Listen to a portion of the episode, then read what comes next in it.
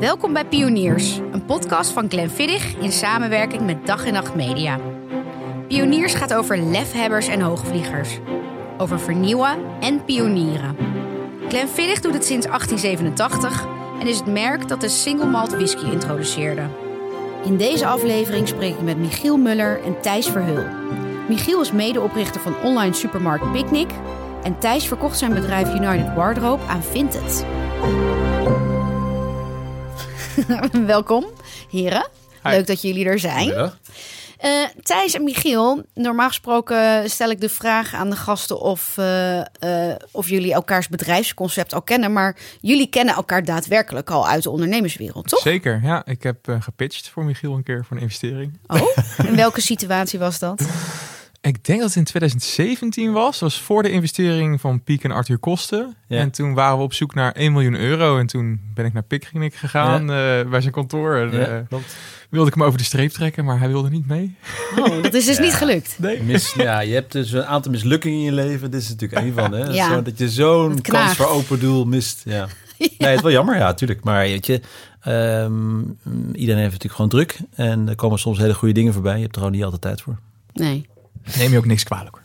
Nee, gelukkig. ja, wel natuurlijk. Huh? Nou ja, Niet nog een keer gebeld. Nee. ja, nu, nu is er geen mogelijkheid meer natuurlijk, want je hebt het verkocht, Verkocht, jouw ja. bedrijf, United Wardrobe. Ja. Kun je daar wat meer over vertellen? Eerst over United Wardrobe, dan komen we zo meteen op de verkoop. United Wardrobe was de grootste kledingmarktplaats van de Benelux. We hadden 4,5 miljoen gebruikers die kleding kochten en verkochten. Wij faciliteerden daarin de betalingen. En ehm, ja, Vinted heeft dat overgenomen, heeft alle aandelen eh, overgekocht en eh, het hele platform verhuisd naar het Vinted-platform. En Vinted nu is nu de allergrootste modemarktplaats ter wereld. Actief in volgens mij 16 landen, van Canada tot en met Italië en Litouwen. Ehm, en eh, gaat de wereld veroveren met tweedehands kleding. Ja, dat, dat, dat, wil ik beamen, want ik kom ze elk, elk commercial blok op televisie kom ik ze tegen. Ja, ze hebben heel goed begrepen hoe eh, tv-marketing Ja. werkt. Ja. Ja, ik, in het begin vond ik het irritant, maar op een gegeven moment dacht ik, ja, nee, maar het is eigenlijk ook wel heel chill, want het werkt, de, eh, hoe de app werkt is best wel prettig, vond ik zelf.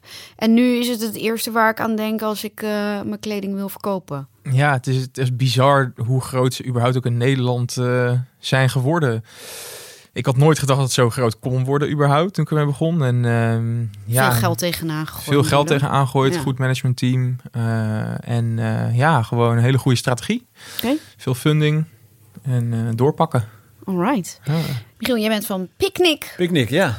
Vertel, voor de, Nou. mensen, voor de weinige mensen die luisteren die Picnic niet kennen... Nee, wij of op de wachtlijst staan. Wij, ja, precies. Nee, wij brengen alle boodschappen voor de laagste prijs gratis aan huis. En hoe, hoe doe je dat?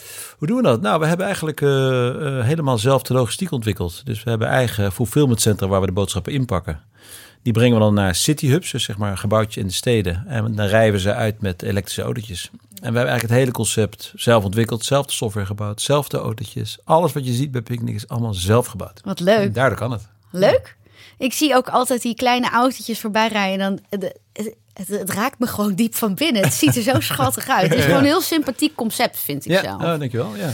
En hoe zit dat nu met de wachtlijsten? Want ik eh, weet dat toen jullie net startten, dat eigenlijk iedereen het een goed idee vond. En iedereen wilde het. Ja. Alleen er waren wachtlijsten. En Ja. dan zag je soms dat je nummer 18.730 was. Klopt. En dan ging dat in één keer wat sneller. Ehm, maar er zijn nog steeds wel wat, wat eh, mensen in stadsdelen die volgens mij. Zeker. Nee, dat heeft even te maken met het feit dat er gewoon meer vraag is dan wij aankunnen. Ja, En dan zou je zeggen van, joh, groei is wat harder. Maar wij groeien al heel hard. Hè? We verdubbelen elk jaar. Dus we doen er alles aan. Dus nieuwe distributiecentra openen. Nieuwe autootjes, nieuwe mensen aannemen, trainen. Dus het is enorm. De hele dag zijn we bezig met uitbreiden. Ja. Alleen er komen aan de achterkant van de rij steeds weer nieuwe mensen bij. ja. Hè? Dus je bent aan de voorkant haal je honderden mensen per dag naar binnen. En aan de achterkant sluiten honderden aan. En het is eigenlijk begonnen vanaf dag 1 in Amersfoort. Dus we hadden toen vier autootjes. En op dag 1 toen we startten kregen we 5000 aanmeldingen. Ja, dat gaat natuurlijk niet met vier autootjes. Nou, dan, Dus toen hebben we s'nachts die wachtlijst eh, gestart.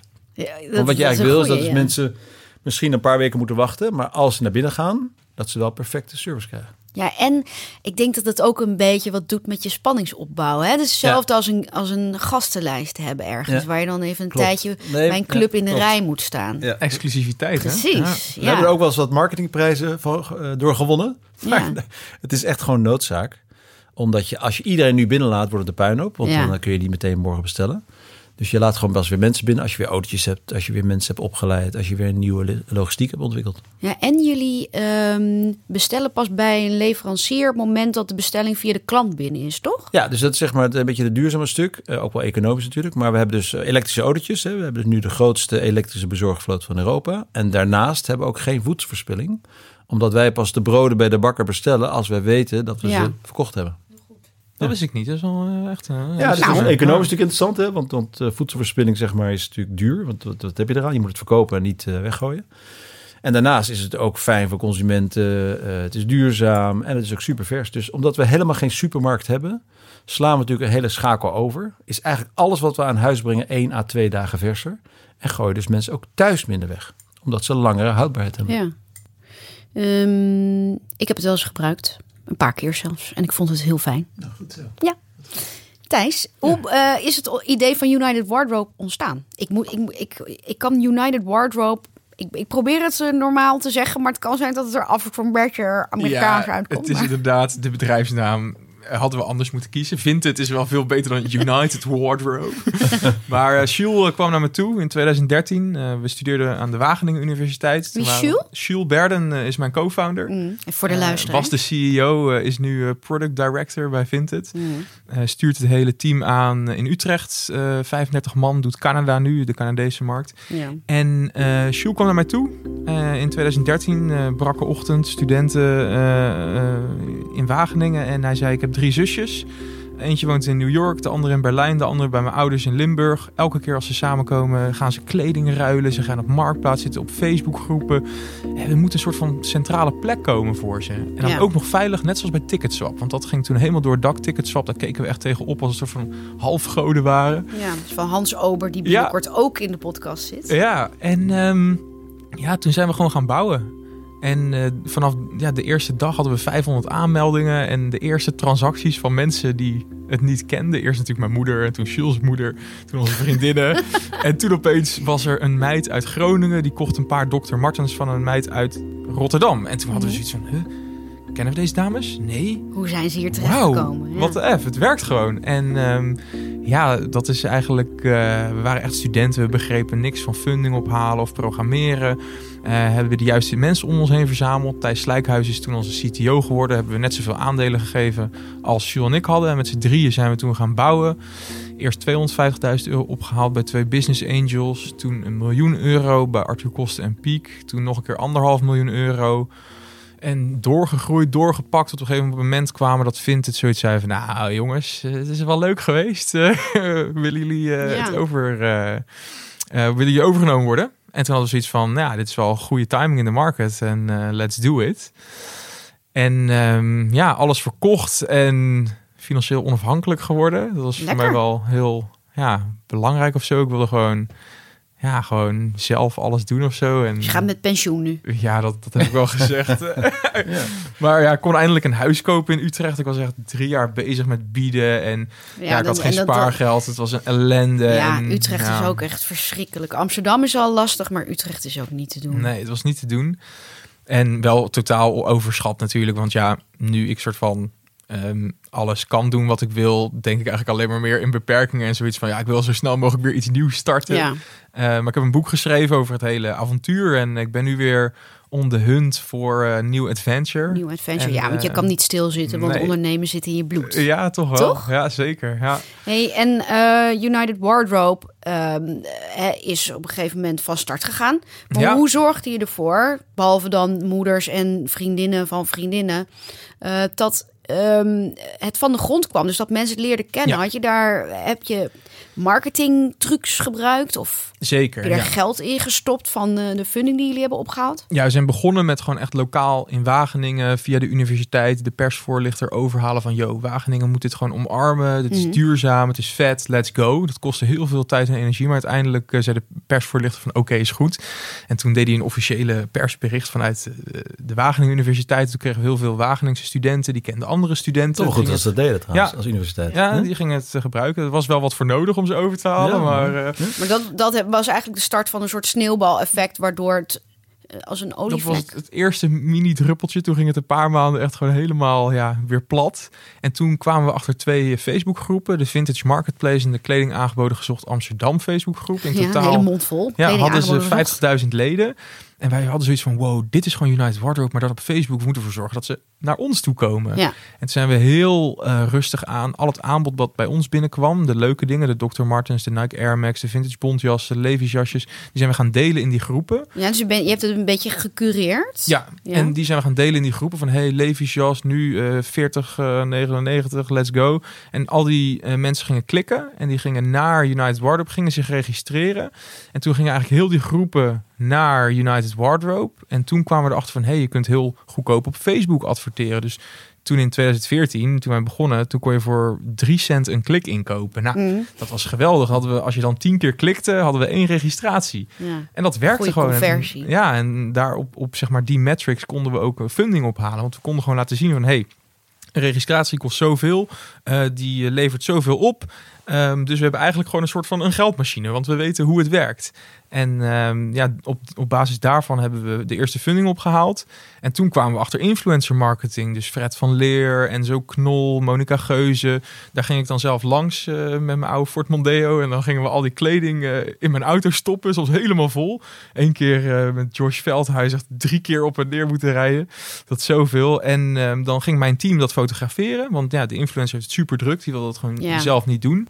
En ehm, dan gingen wij dat allemaal verkopen. En dan zeiden ze van, hé, hey, ik, ik ga mijn kast weer opruimen. En swipe omhoog. En dan in één avond eh verkocht echt 400 kledingstukken was er de influencer. En dan eh, maakten wij gewoon het geld over naar die influencer. En dan hadden we een soort van hele goede dynamische samenwerking. Dus, je, dus ja, je, je maakt er gewoon heel gunstig gebruik van social media en Ja. van de influencer. Ja.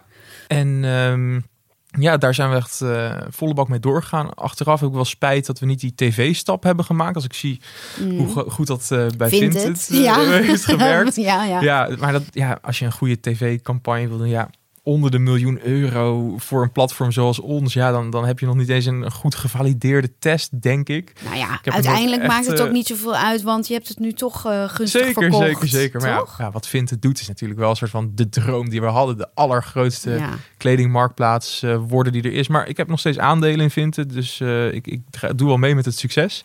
Dus daar ben ik heel trots op. Maar ja, wat Thomas uh, Plantenga doet, hè, de CEO van Vinted, dat is wel waar Jules en ik natuurlijk een beetje van droomden, weet je. Maar, maar, Misschien je volgende, wie weet, volgende wie weet, ja. Ehm, Michiel, ik wil even naar jou. Hm. Want eh Picnic, het idee, dat, eh, dat was er al. En toen kwam jij, toch? Ja, het is zo dat dus eh, we zijn met, een, met vier founders en Frederik Nieuwenhuis en Joris Bekkers, die hadden een business in software. Die maakten software voor grote e-commerce players wereldwijd. En toen ze hun business verkochten, kwamen ze eigenlijk achter dat ze altijd voor non-food dingen hadden verkocht. Dus elektronica, reizen, boeken, dat soort dingen, mode. ja. En ehm, niet voor food. Dus ze zijn toen een beetje mee gaan puzzelen. Toen kwamen ze op het idee van Picnic. Toen hebben ze mij erbij gehaald en een jongen die uit de supermarktwereld kwam. En dat was ergens in februari 2014. En toen hebben we gezegd, oké jongens, hoe kunnen we dit nou verder maken? Het, het model beter maken. Hoe kunnen we het gaan uitleggen aan consumenten waarom ze het moeten doen enzovoort. Dus hebben we in anderhalf jaar later live gegaan met een pilot in Amersfoort. Ja, dus dat is echt zeg maar hun idee dat we, dat we verder hebben gemaakt tot iets Ja. wat naar de markt komt. En eh, hoe eh, zijn jullie toen verder gegaan? Die pilot was er. Hoe, hoe hebben jullie jezelf in de markt gezet? Ja, nou, pilot was voor ons heel belangrijk, want we doen eigenlijk iets heel bijzonders. Dat wij dus eh, een melkboer rondje rijden. Dat betekent dat wij eigenlijk tegen de consument zeggen, dit is de dag, de tijd op de dag dat we bij je langskomen. Dus op maandag is het gewoon altijd drie uur. Ja. En op dinsdag is het altijd zeven uur. Dus je kunt niet zelf kiezen. En dat is dus raar, hè? want de consumenten zijn natuurlijk gewend om gewoon te kiezen wanneer jij komt. Dat is een soort taxi. Wij Ja. hebben gezegd, nou, taxi is wel fijn voor een consument, maar dat is wel een beetje duur. Want je moet dus rijden wanneer iemand wil. En als we nou eens een bus maken, een beetje een melkboer van vroeger. Dus we komen gewoon één keer per dag. Dus als Ja. je dan drie klanten hebt op die dag, kun je ze in één ruk doordoen. Dan hoef je dus niet drie keer naar die straat terug te rijden. Hoe heette dat vroeger ook alweer? Je had er zo'n... SRV-man. Ja, Oh, ja, de SRV-man. nog Ja, steeds, eh, ja, 200 precies. in Nederland. Ja, Oh, hardst van 200. Nederland. Ja, met afstand. Ja, ik was vroeger glazenwasser en Ja. dan reed de SRV Ja, langs en dan moest je hem ja, even hebben. En dan had je weer keihard even werk, je bruine bolletjes. Eh. Maar hoe dan ook, dus, dat, dat- dus eigenlijk is het zo begonnen. En dat hebben we getest. Dus zouden mensen in ruil voor gratis bezorging op de minuut precies bezorgen, wel kiezen voor een melkboersysteem waarbij je dus zelf niet de tijd kan kiezen per dag. Door de week heen is het wel verschillend. En maandag is dan 's middags en dinsdag is 's avonds enzovoorts. Maar En dat hebben we getest. En nou, dat bleek eigenlijk al fantastisch. Ze zijn met, hadden toen maar drie bezorgtijden per week. En nu hebben we er twee per dag, dus zeg maar veertien. En is het dan bij jullie ook zo dat je een tijdslot kunt kiezen en dat het ene tijdslot iets duurder is dan het andere tijdslot? Nee, doen we niet. Bij ons is altijd gratis. Oh ja. Dus we kunnen niet zeg maar het, eh, de, de bezorgkosten gebruiken om het een beetje te sturen.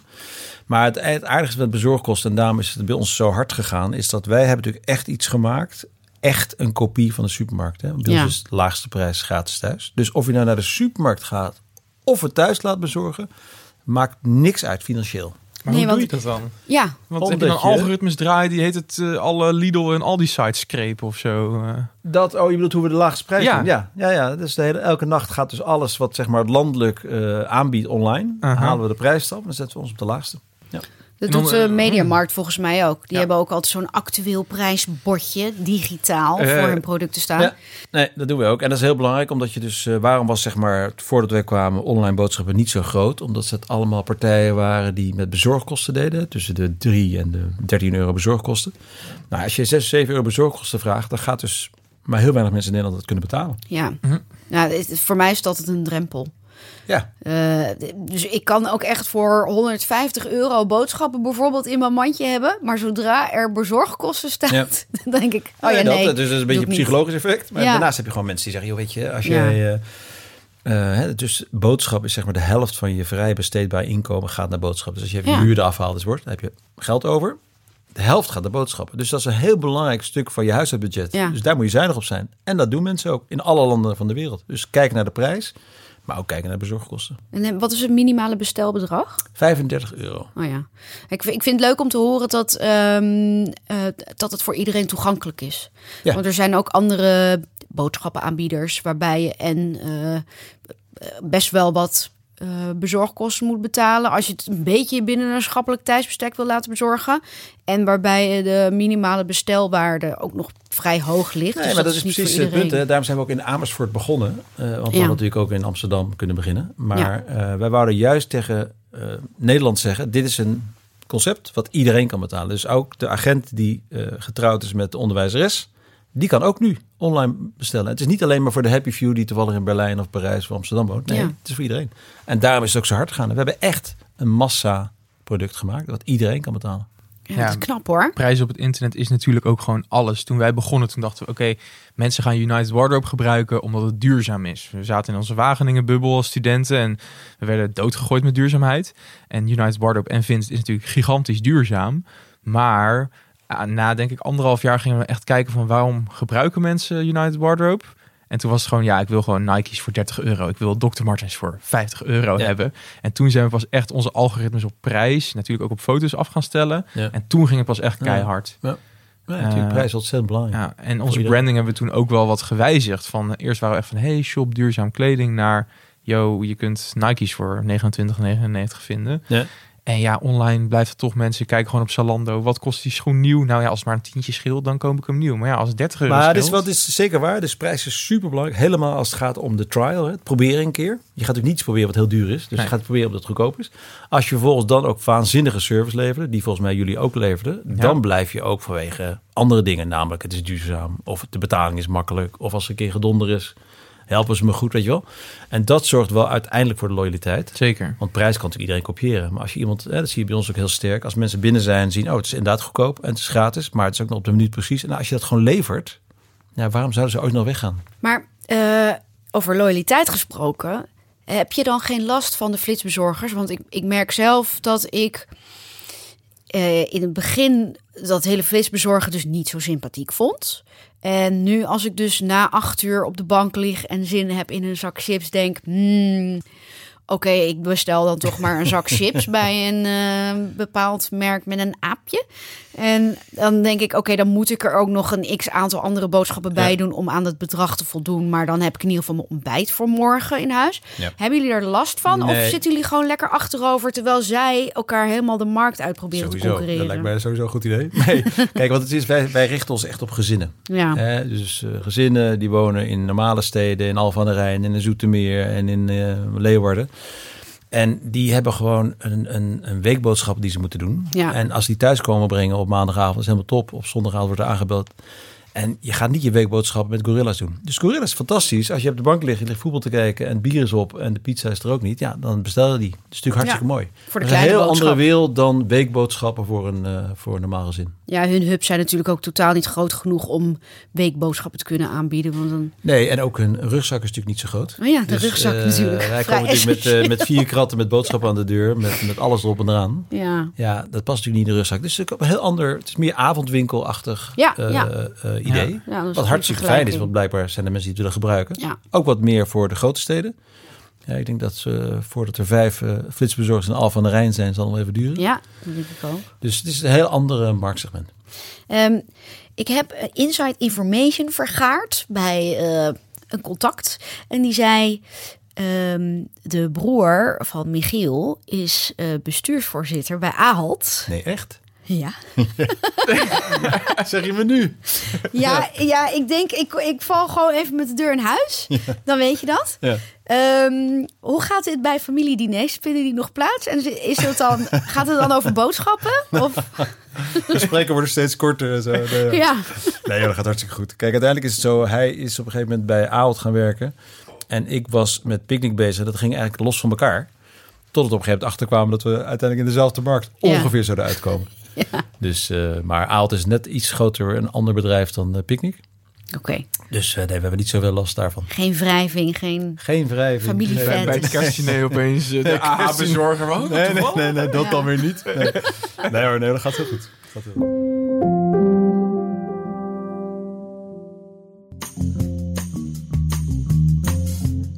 We gaan even uit voor de midroll reclame voor een woordje van onze sponsor Glenfiddich, maar zijn zo weer terug bij Pioniers. Ik zit hier vandaag in een Google Meeting ruimte met Anne Janssens. En Anne is oprichter van Dag en Nacht Media. Hey Ginny. Hi. Hallo. Hallo. Hey Anne, met deze podcast wil Glenn jou inspireren om je idee of je droom achterna te gaan. Net zoals William Grant, die op zijn 47ste eh, pas ontslag nam als werknemer bij een distilleerderij om voor zichzelf te beginnen. Eh, Michiel, die in deze aflevering zit, samen met Thijs, is voordat hij begon met ondernemen ook ooit als werknemer begonnen bij een groot bedrijf. Mhm. Thijs die begon tijdens zijn studie meteen met zijn bedrijf United Wardrobe. E- En beide zijn ze erg geslaagd, hè? Erg, Nou, erg succesvol. Ja, dat kan je, dat kan je wel zeggen. Ja. Ehm, de een eh, wat vroeger, de ander wat later. Maar dat maakt dus niet zo heel veel uit. Ehm, als je een goed idee hebt, dan zeggen Thijs en Michiel ook: ga het vooral gewoon doen. Maar eh, daarbij wil ik eigenlijk aan jou vragen: heb jij nog dromen waarvan je denkt: ooit wil ik daar nog iets mee? Ja, dat heb ik zeker. Eh, maar die, die komt zo. Oké. Ik zit eigenlijk namelijk nog, nog midden in mijn droom, Ginny. En dat is? Ja, dag en nacht media, dat gaat hartstikke goed. Dat is mijn, mijn podcastbedrijf dat ik met Tim de Gier ben, ben eh, begonnen een paar jaar geleden. Waarvan Ja. toen we startten iedereen zei van... Nou, daar kan je echt geen, eh, geen cent mee verdienen met zo'n podcastnetwerk. Wat ook even zo was, hè? De, Ja. eerste, de eerste twee jaar zeker. Maar inmiddels gaat het hartstikke goed en zijn we aan het groeien als joh. We werken hier met 30 mensen, hebben een nieuw eh, groot kantoorpand. Ik zit in mijn droom. Nou, ik vind dat heel leuk om te horen. eh, maar Ik heb er nog één, hè? had ik al beloofd. Ik wil net zeggen, als je in een droom zit, dan ben je toch volgens mij stiekem altijd nog verder aan het dromen. Dus wat is Ja. het volgende dan? Ja, is misschien een beetje een rare, maar ben je er klaar voor? Ik ben er klaar voor. Ik zou wel een bowlingbaanhal willen. Oh, echt waar? Dat, Ja. dat lijkt me heel leuk. Ja? Kom je dan? Ja. Ja, dan kom ik zeker. Mijn vrienden en ik vinden bowlen echt gek. Ja, toch? En misschien zat ik ook te denken, ook wat karaokehokjes erbij.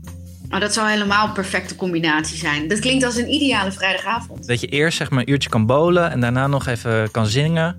Whiskytje Ja. erbij. Ja, lekker. Nou, Prima, eh, toch? Ja, eh, ik sta volledig achter deze droom. Zodra je open gaat, dan heb je in ieder geval zes vrienden die langskomen. Ik vraag jou voor de testrun dan. Heel graag. Ja. Terug naar Pioniers, de podcast van Glenn Viddig.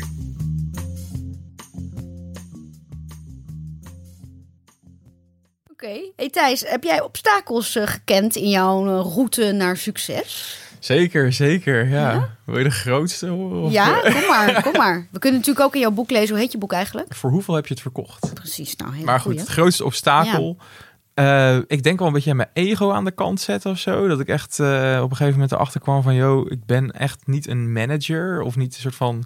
Ik dacht altijd van, oké, als ik dan een bedrijf heb met 50 mensen... dan ben ik soort van de baas en dan Ja. kan ik precies vertellen... en dan luisteren ze naar me en dan is dat allemaal super gestructureerd... want ik kan dat allemaal dan heel erg goed, maar Ja. dat kon ik helemaal niet goed. Grappig, ik, Ik ben echt totaal geen manager. Nee, echt. eh, ik vond het echt heel erg moeilijk om eh, ja, gewoon de hele dag paraat te zijn voor mensen. Als ik in mijn eigen autistische, half autistische vibe zit. En ik wil gewoon ja, een deal met een bepaalde influencer of een bepaalde campagne rondkrijgen. En dat lukt dan niet. En dan ben ik gefrustreerd. En dan vraagt iemand van, hey, eh, zullen we even praten over mijn toekomst? En dan, nee, ik ben nu geen tijd. bezig. Ja. Ja. en dan, ik vond het heel erg lastig. Eh, en op een gegeven moment kwam ik daar gewoon achter. En toen hebben we ja, gewoon ja, denk te laat, juist personeel aangenomen om dat te doen voor Ja. ons.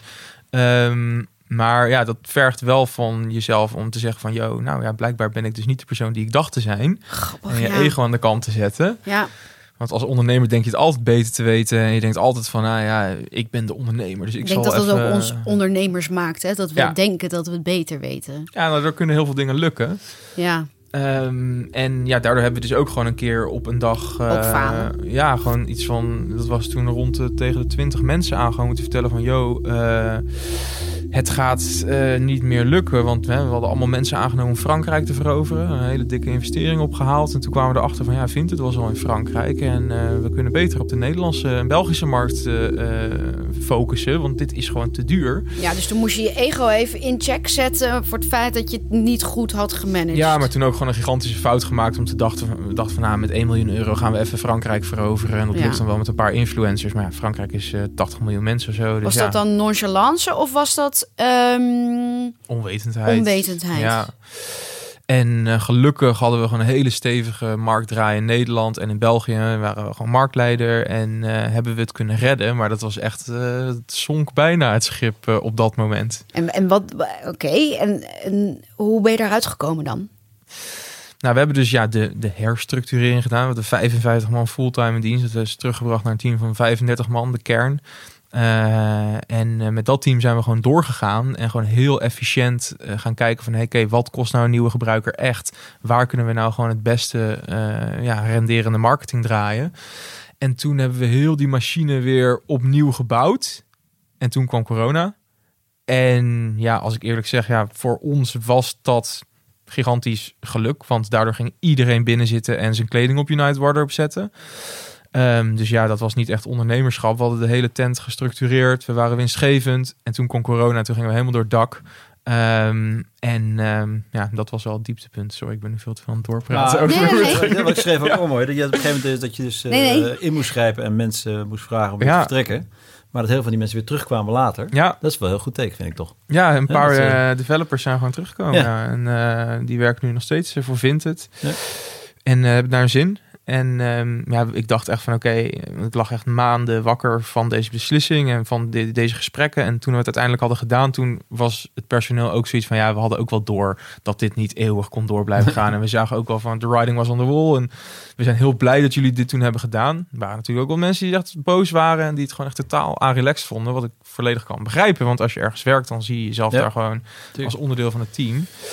Zeker zo'n Eh, jong bedrijf. Ja. ja, maar ik vind dat we het toen heel netjes hebben gedaan. En ehm, eh, dat het goed en het meest gezonde was. Want als we zo door waren gaan, nou, dan waren we gewoon failliet geweest. Maar het klinkt Eh, alsof je wel echt een heel realistisch en eerlijk beeld hebt over hoe die situatie is ontstaan en hoe die is verlopen. En ik denk Ja. dat heel weinig mensen dat aan zichzelf durven toe te geven. Dat ze misschien wel voor zichzelf en ook misschien wel voor andere mensen hebben gefaald. ja, Eh, omdat hun ego dan eigenlijk helemaal verbrijzeld wordt. Maar jij zit hier wel en ja, weet je, het eerste op wat je zegt is gewoon dat, dat je je ego aan de kant zetten. Oh ja, je ego aan de kant zetten. Ik vind dat heel tof dat je daar zo eerlijk in bent. Want Thanks. je, je kan, weet je, het realiseren is één ding, maar het vervolgens ook nog durven te delen, dat is, dat is heel wat anders. Want dat maakt je nog steeds kwetsbaar Ik eigenlijk. denk dat mensen ook daar het meest aan hebben. Als ik hier ga Precies. vertellen van, nou, ik heb zoveel geld verdiend met United Wardrobe. Het ging alleen maar goed. Ja, dan luistert iemand en dan die is student en 16 en die denkt, oh, eh, wat ik nu aan het doen ben, eh, stelt niks voor. Maar ja, Ja, maar ondernemen is niet één grote road van to Nee. succes. Het gaat met, het klinkt allemaal heel cliché, maar dat gaat met pieken en dalen. Ja, Jeff Bezos die zegt, eh, it's all scar tissue what you see here. Oh ja, ja, het is Ja, gewoon de hele ja, tijd ja. maak je allemaal domme fouten. En als van je daar zijn, ja. van weet te leren, dan kan je doorgaan. Ik ben benieuwd of Jeff, Jeff Bezos ook in het magazijn heeft eh, gestaan. Oh, reken maar. Ehm, Michiel, eh, heb jij obstakels gekend in je ondernemerschap? Nou ja, kijk, weet je, het een beetje aardig is dat de ondernemer heeft natuurlijk toch een beetje, het zit een beetje in het beestje om gewoon door te gaan. Dus als er iets tegen zit of er gaat iets verkeerd, dan Ja. is het heel vaak toch van ja, oké, dat werkt dus niet. Zo Nou, moet het anders. Dan weet ik dat, maar dan ga ik iets anders doen. Kijk, uiteindelijk moet je natuurlijk door. Je kunt niet zeggen, oh, dat zat een beetje tegen vandaag en eh, Je hebt een militaire achtergrond, toch? ik heb een militair achtergrond. Ja. Ja, ik heb in dienst gezeten. Oké. maar ik ben wel officier bij de Koninklijke Luchtmacht, hè? Oh. Kijk uit, hè? Dus als er echt iets fout gaat in Nederland, nee. Helaas was dat dienstplicht. Nee, eh, nee, dus uiteindelijk is het zo dat je dat doorzet, is natuurlijk wel iets wat bij die ondernemerschap in het bloed zit. En dat moet ook, want anders gaat het Ja. fout. Want eh, er gaan altijd bananenschillen zijn. Dus je moet Ja, heilig geloof precies. hebben in je idee. ja. Dan komt die bananenschil, struikel je erover, sta je weer op en denk je, oh ja, dat is niet zo handig. Ja, maar hoe zorg je ervoor dat je weer opstaat? Want ik kan me ook voorstellen dat er mensen zijn die uitglijden en denken... oh ja, zie je wel, ik kan het niet. Of Nee, maar dan moet je de, de, de, de, de creatiespiraal van Marines Knopen erbij halen. dat is. Dat is, dat is zeg maar t- twaalf elementen waar je doorheen gaat als je een idee hebt en uiteindelijk tot uitvoering komt. En die twaalf stappen, een van de eerste, derde, vierde stap of zo, is dat je echt moet geloven in hetgeen waar je voor gaat. Ja. En daarna ga je plannen en dan ga je geld ophalen en dan ga je uiteindelijk een keer starten. Nou, dat vinden natuurlijk ondernemers hartstikke leuk, want starten vinden we leuk, hè? dat Ja. je een beetje bezig zijn. Ja, Eh, maar als je die fase geloven in je, in, je, in je verhaal, in je idee, als je die niet goed hebt doorlopen, dan ga je dus over die eerste bananenschil struikelen, sta je niet meer op. Maar Nee. jij gelooft ook heilig in het verhaal. Wat het moet gewoon lukken. Ik heb gezien, op dag 1 had ik opeens 500 aanmeldingen. Het kan dus. Maar het duurde Moet het- drie maanden voordat Ja. Jules me had overtuigd. Want Jules Ja, was nee, altijd de persoon die geloofde echt heilig er altijd Ja. in.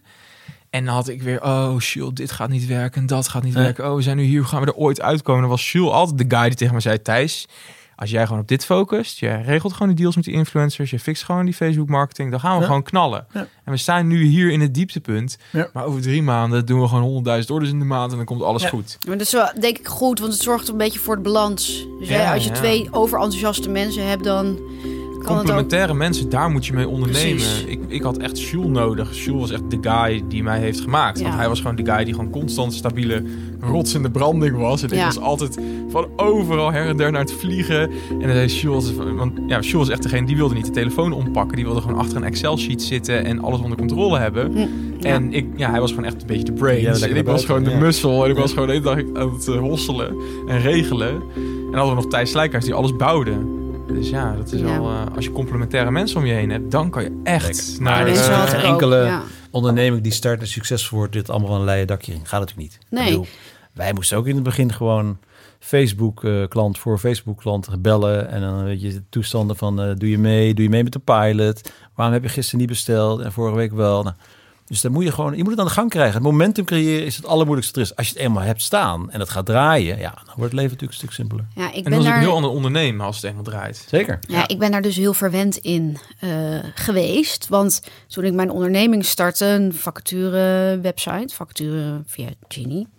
ehm, toen begon ik als eerste eh, met het delen van vacatures uit mijn netwerk eh, via een Facebookpagina. Dus ik Ja. bracht eigenlijk het werk naar social media. Wat niemand deed in die tijd, want dat durfden ze niet, de uitzendbureaus en de banenplatforms omdat ze bang waren dat alle recruiters met de, met de, met de gegevens daar aan de haal gingen. En dan dus de bedrijven gingen bellen om de, de opdrachten eh, op te scoepen.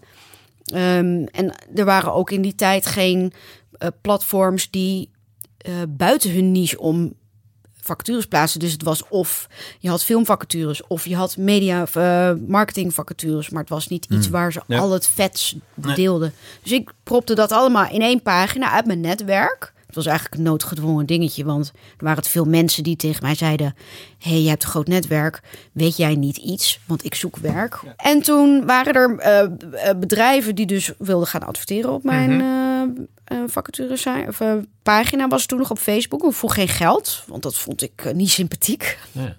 Terwijl er wel al bedrijven waren die al vaker inmiddels hadden geadverteerd, zeg ik tussen aanhalingstekens, want ze hadden niet betaald, maar Mhm. wel al mensen via mij gevonden. Ehm, dus op een gegeven moment zeiden mensen van, nou ja, je kan ook geld vragen. En toen, dat wilde ik dus zeggen, daar, hier wilde ik naartoe.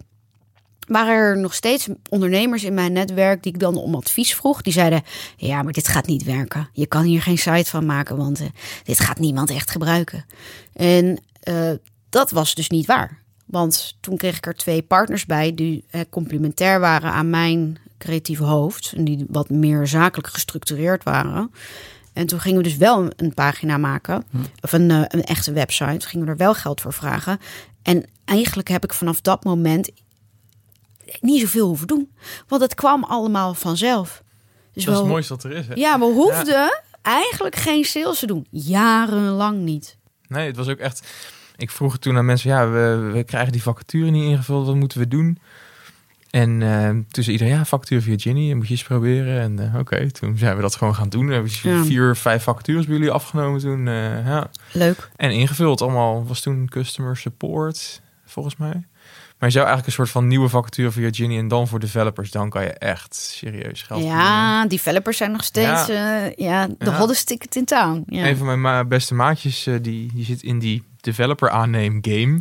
En dat is gewoon echt, er wordt gewoon op één deal 45.000 euro verdiend. Het is belachelijk gewoon. Ja. eh, Zeker. Maar ja. goede developers natuurlijk ontzettend Zeldzame eh, Pokémons zijn het. ontzettend veel waard. Ja. hè? Kijk, een goede salesman of een slechte salesman of vrouw, zeg maar een factor 2 tussen. Maar een goede developer is een factor 10. Ja. Schrijft betere codes, beter te onderhouden, is slimmer, eh, lost problemen anders op. Dus dat is heel belangrijk om goede developers te hebben. Wij nemen op ongeveer duizend mensen één iemand aan. Ehm, over Er developers niet duizend gesprekken natuurlijk. Duizend mensen die zich applyen. Ja. En dan kun je heel veel al eh, in het begin eraf halen. Ja. Michiel, oh, Oh. leuk dat je developers aanhaalt. Want ik heb eh, vernomen... Doe alsof dit een top secret is, maar dat is het niet. Je hebt geld opgehaald bij Bill Gates Ja. en Melinda. Ja. Eh, hoe is dat gegaan? Is er een mailtje aan vooraf gegaan? Is er een WhatsApp eh, gestuurd? Nee, kijk, wij waren, eh, wij hebben natuurlijk eh, vorig jaar op een gegeven moment gezegd... we moeten eigenlijk weer eens een, een ronde doen... omdat we sterk willen uitbreiden in Frankrijk en Duitsland. Hè. Daar zitten Ja. we wel heel groot, maar daar gaan we nu echt, echt serieus gas geven. Vrij grote landen. Niet met. 1 miljoentje. Niet met één miljoentje. en nou, dan ga je op zoek naar wie past er nou bij ons. Dus we hebben natuurlijk al aandeelhouders aan boord. Dat zijn allemaal grote Nederlandse familiebedrijven. Dus dat Ja. zijn mensen met een langetermijnvisie, die begrijpen wat we doen, die ook begrijpen dat we zeg maar de duurzame kant van het verhaal, die snappen dat innovatie kost tijd, nou, enzovoort, enzovoort. En dus zijn we op zoek gegaan naar iemand die daarbij zou passen.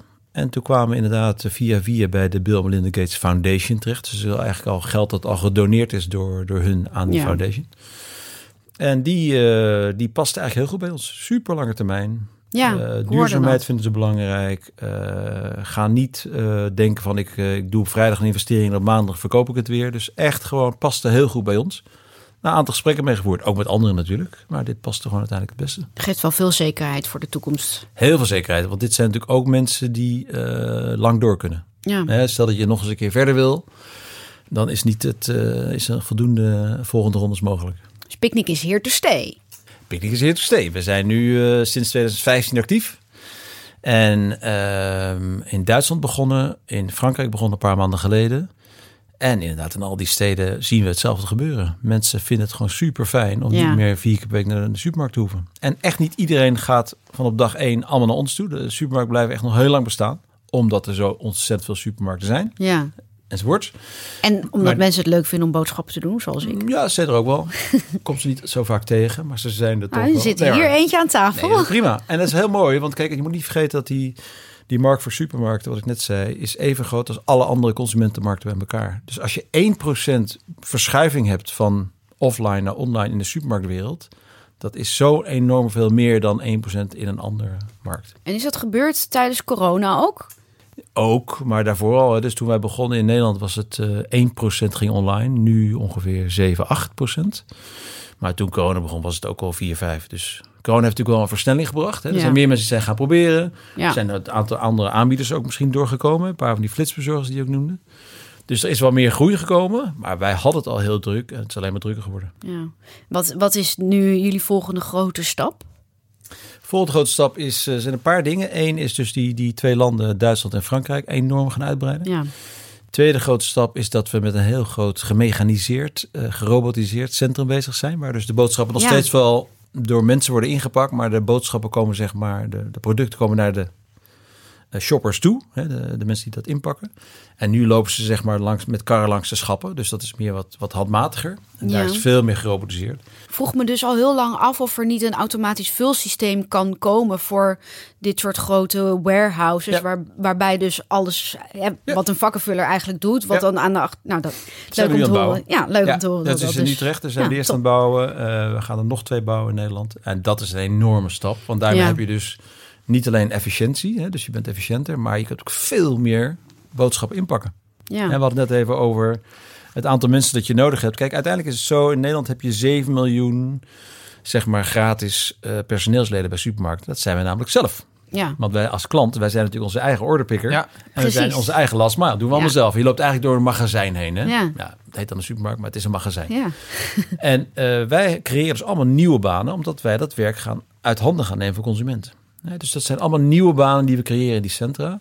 En daar moet je dus wel enorm veel eh, mensen voor aan- aannemen, opleiden. We zijn nu met mechanisatie en robotisering. Met automatiseringsmensen heb je nodig. We hebben een eigen e-commerce CAO gestart. Dus die hele industrie, die e-commerce industrie, wordt steeds volwassener, steeds groter. En straks is het de grootste van Nederland. En daar is ontzettend belangrijk dat daar dus heel veel werkgelegenheid ook ontstaat. En eh, heb je nou voor jezelf nou ook al een beetje een exit-strategie? Eh, ik weet dat je er waarschijnlijk niet heel Goeie veel over moet vraag. zeggen, maar dat je denkt van, ja. nou, als dit een beetje komt, dan eh, net zoals met Route Ja. Mobiel natuurlijk. Ja. En, eh, ja. Nou, dat, dat, ja, precies. Tango. Dat, Uh-huh. Tango bij Robiel waren wel echt externe factoren die daartoe leiden. Maar kijk, weet je wat aardig is bij Picnic? We zijn gestart met z'n viertjes en we hebben toen gezegd... het is sowieso een tien jaar businessplan, hoe dan ook. Want dit, is- dit is zo groot qua eh, complexiteit. Mhm. Investeringen, alles zelf maken. Eigen autootje maken, eigen frames maken, eigen kratten maken. Alles is zelf gemaakt. Dus dit is niet zo dat je even in een weekendje in elkaar eh, zit te klussen. Ja, dan kun je de echte marges draaien. Als je alles zelf onder controle Ja, hebt, net is zoals Ford altijd deed. Hè? Gewoon onafhankelijk zijn. ingewikkeld, hè? Hm. Je moet dus eh gemiddeld mandje heeft 40 eh, producten in zich, in drie temperatuurzones. En dat brengen wij op de minuut precies volledig aan de deur. Dat is best ingewikkeld. Ja. En eh, dus dat kost tijd. Dus we Ja. hebben gezegd, dat gaan we sowieso tien jaar doen. Nou, daar zijn we nog lang niet. En er zijn natuurlijk op ons pad steeds meer dingen gekomen die het interessant maken. Nieuwe landen, van het assortiment, eh, nieuwe autootjes die we aan het bouwen zijn, nou, enzovoort. Dus er is eindelijk veel te beleven nog. Des te groter je wordt, des te meer variabelen komen erbij kijken die je onder controle moet houden. Dus Ja, wordt zeker weer complexer. Hè, dus het, wat ons belangrijk is, eh, is dat je ook hele goede mensen aan boord krijgt die super slim zijn. En die dus niet een probleem managen door meer processen en procedures te laten ontstaan. Maar die Ja. problemen managen door ze een slimme oplossing Ja. verzinnen. Thijs, ehm, heb jij nog een goede takeaway voor de luisteraars die willen gaan ondernemen? Hè? Want de mensen die luisteren, die willen gaan ondernemen en die voelen nog een drempel. Ja, ja, nee, dat is je super cliché. Je moet gewoon doen. Nee, ja, kijk, toen wij begonnen, toen Michiel begon, iedereen gaat zeggen, nou ja, dit en dat. En dan sta je op verjaardag en dan zeg je oom weer, nou, ik denk niet dat dat, dat wat gaat worden hoor. En Ja. Je moet gewoon doorgaan en proberen en gewoon lekker een beetje leren. En er ook plezier in hebben. Ik persoonlijk heb er te weinig plezier uit gehad. Ik was alleen maar te serieus bezig en ik zag alles als een soort van alles of niets endgame. Maar uiteindelijk ga je Ja. gewoon dingen proberen. Je gaat negen keer de sloot in maar en dat is je één ding eerste keer. werkt. Ja. Je eerste keer echt groot ondernemen, dan voelt alles als een... En ook gewoon geluk eh, speelt ook gewoon. Hè. Door die hele coronacrisis gingen wij door het dak. Michiel waarschijnlijk ook. Ondernemen is keihard werken, maar je moet ook een beetje geluk hebben. En soms heb je geen geluk, soms wel. Ja. Dat vind ik een hele goeie, ja. Want, eh, want mensen denken dat het altijd keihard werken is. En dat dat altijd een garantie is dat het dan toch uiteindelijk gaat lukken. Maar je kan nog zo hard werken. En dan heb je soms inderdaad alsnog de pech dat, dat het allemaal gewoon niet zo gaat zoals je wil. Omdat je niet op de juiste eh, plek op het juiste moment bent. Ja, of, maar je hoeft ook niet, en dat is denk ik een beetje op aanvulling wat Thijs zegt. Dat klopt natuurlijk, je moet gewoon vandaag beginnen. Als je een goed idee hebt, moet je vandaag beginnen. Niet, Ja. niet tot morgen wachten. Nee. Nee. En je hoeft ook niet alles op dag één te weten. Want Nee. je komt allemaal dingen tegen waar je nog nooit van gehoord hebt. Je komt misschien allerlei problemen tegen die je niet had ingeschat van tevoren. En allerlei problemen die, waar je van tevoren dacht, die gaan maar op mijn pad komen. Die komen nog niet op je pad. Dus het heeft heel veel te maken met daadkracht. Starten. Onderweg leren. En gewoon blijven ondernemen. En dan kom je eens een keer wat tegen wat tegenvalt. Joh, dan neem je een, weg, een weggetje B en dan kom je ergens anders uit. Dus het heeft heel veel te maken met doen. En als je alle grote ondernemersverhalen leest, hangt van toeval aan elkaar. Geluk Ja. en toeval. hè. Ja. Airbnb denken mensen, oh, briljant systeem. Totaal toeval van. Je Ja. moet maar eens teruglezen. Hangt echt Ja. van toeval aan elkaar. En ga niet Dus- een businessplan van 100.000 pagina's schrijven, maar ga gewoon van start en schrijf het businessplan als je bezig bent. Precies. Of zorg ervoor dat het max drie, in drie A4'tjes past om je boodschap over te Ja, je mag wel. je- Kijk, dat, dat is een beetje mijn punt van het geloven. Je moet natuurlijk als je aan een idee begint niet denken van, nou, het wordt waarschijnlijk niks. Ik ga eraan starten. Dat, dat, Nee. dat gaat natuurlijk niet vliegen. Je moet er wel in geloven. Ja. Maar je hoeft niet alles op dag één meteen perfect te doen en te weten. Maar voor heel veel jonge mensen, ja, dan ga maar eens geloven in iets. Hè? Als je nog nooit succes hebt gehad of niet Nee, eens een studie hebt afgerond. Zeker. Nou, Ja. Probeer eens wat. En eh, kijk, wat ik, wat ik een beetje merk bij eh, mensen die nu bij ons komen werken, daar heb ik wel eens het gevoel van dat ze denken van, ik moet ook als ik een baan zoek, zeg maar, mijn eerste baan moet meteen de perfecte zijn. Dat is ja, precies. Ja, ja, dat is niet zo. En gaat ook nooit gebeuren. Ja, er zijn natuurlijk heus wel mensen die met één baan beginnen en dan over 60 jaar. Net zoals Maar- met bedrijven dat ook United Wardrobe een succes is geworden. Iedereen zegt van, yo, de eerste keer dat je een bedrijf opricht en het werd meteen een succes. Ja. is one in a million. Ja. Meestal succesvolle Tuurlijk. ondernemers die hebben drie ondernemingen gehad en dan schieten ze in de roos. Ja. Heren, ik wil jullie hartelijk bedanken voor jullie komst. Leuk. En voor het delen van jullie kennis. Graag gedaan. Ehm, wat mij betreft hadden we nog wel drie uur verder kunnen kletsen. Maar eh, helaas eh, zit er een, ook een, een begin en een eind aan de tijd die we hebben. Ja. Ehm, ik wens jullie heel veel succes met het overnemen van heel boodschappen doend Nederland. En jij met je nieuwe endeavors. Ja. ja. Ehm, je had net voor de, dat we starten, had je alweer een heel goed idee bij me gepitcht. eh, waar ik eh, enthousiast over ben. Dus ik eh, Ja, ben, ben je enthousiast? Denk je dat Ja. dat gaat worden? ik ben benieuwd hoe dat verder gaat verlopen. Vertel even aan de luisteraar.